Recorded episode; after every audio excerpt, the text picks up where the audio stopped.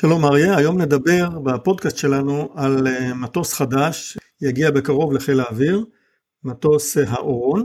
זה מטוס שמטרתו העיקרית היא איסוף מודיעין קרקעי. המטוסים האלה מסוג אה, גלפסטרים 550 הותאמו במיוחד למשימות. משימה אחת היא ההתראה האווירית, זה בעצם מקם מעופף, המטוס נקרא איתם, והוא מעין AWACS ממוזער, מאוד מוצלח, מאוד מתקדם. מטוס שנקלט בחיל האוויר הישראלי וגם בחילות אוויר אחרים. באסיה ובאירופה הוא משרת בהצלחה ומוגש למכרזים שונים ברחבי העולם אה, כאשר אה, עולים מהצרכים האלה.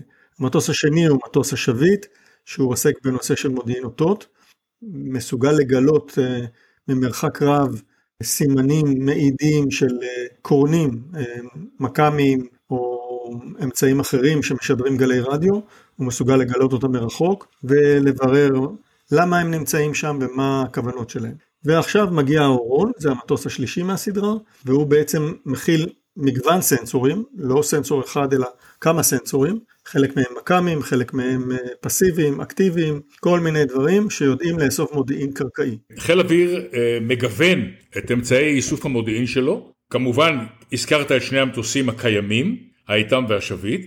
חיל האוויר גם משתמש בלווייני ריגול ישראלים, אבל במשימות מסוימות צריך לשלוח מטוס לאזור מסוים בטווח רחוק כדי לבחון מה קורה באזור הזה על הקרקע, איך האויב נערך, מה יש לו שם, מה האיום העיקרי.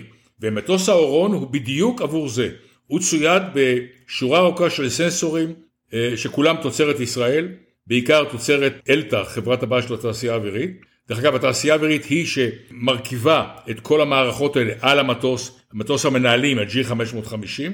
המטוס הזה יכול לתת תמונה קרקעית מדויקת של אזור גדול, איפה הכוחות, איזה מערכות נשק יש שם, את תזוזת כוחות, אה, כל מיני סימנים שמעובדים במטוס עצמו, ואפשר לשדר אותם לאחור כדי לספק מידע לפעולה שצריכה להתחיל ממש תוך דקות. התוספת הזאת של האורון לטייסת הנחשון היא, תוסף, היא תוספת מאוד מאוד חשובה. בחיל האוויר מחכים למטוס הזה בכיליון עיניים, הוא כרגע עובר סדרת אה, בדיקות אה, אחרונה, ואז הוא ייכנס לשירות בטייסת. כמובן שחלק גדול מהסנסורים שמותקנים בו הם, הם מסווגים, אבל אומרים לי מקורות שהמטוס הזה ייתן תמונה אה, כמו שאף מטוס מודיעין היום בעולם לא נותן לחיל האוויר שמפעיל אותו. זאת אומרת המגוון של הסנסורים ייצרו תמונה שלמה של האיום לפרטי פרטים. המגוון הזה זה בעצם סוד הקסם של האורון. בחילות אוויר אחרים, באנגליה למשל, נקלט מטוס אה, סנסור אה, מודיעין קרקעי מאוד משוכלל לפני כ-15 שנה, ובעצם לאחר אה, עשר שנות שירות החליטו להיפטר מהמטוסים האלה, כי בעצם הם לא תרמו שום דבר לתמונה שהבריטים אה, ביקשו לקבל, כי המטוסים שם נשאו סוג אחד של מכ"ם, מכ"ם גם לא היה מציאה גדולה, למרות שמי שבנה אותו ועשה את השילוב אה, הייתה חברת רייטון, חברה מאוד אה, מנוסה בתחום הזה, אבל העבודה באנגליה לא נעשתה כמו שצריך. האורון נבנה מלכתחילה בתור פלטפורמה מרובת סנסורים, זאת אומרת שאתה לא תלוי רק בסנסור אחד, שתמיד יש לו יתרונות מסוימים, אבל יש לו גם מגבלות. פלטפורמה מרובת סנסורים יודעת לחפות על חסרונות של אה, סנסורים מסוימים בתנאים מסוימים, על ידי הפעלה של סנסורים אחרים, והיכולת של כל הסנסורים האלה לעבוד יחד על אותה פלטפורמה בו זמנית, מאפשרת לבצע את המשימות מטווח רחוק, כלומר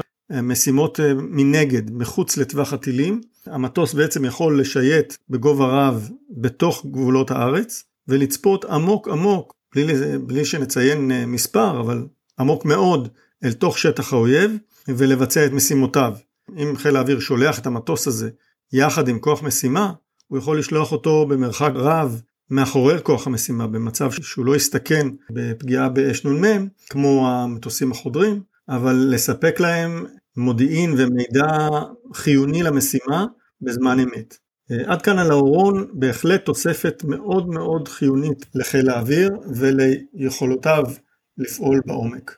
כמובן שנמשיך ונזכור את הנושאים האלה ככל שיתאפשר לנו בהמשך. תודה אריה ולהתראות.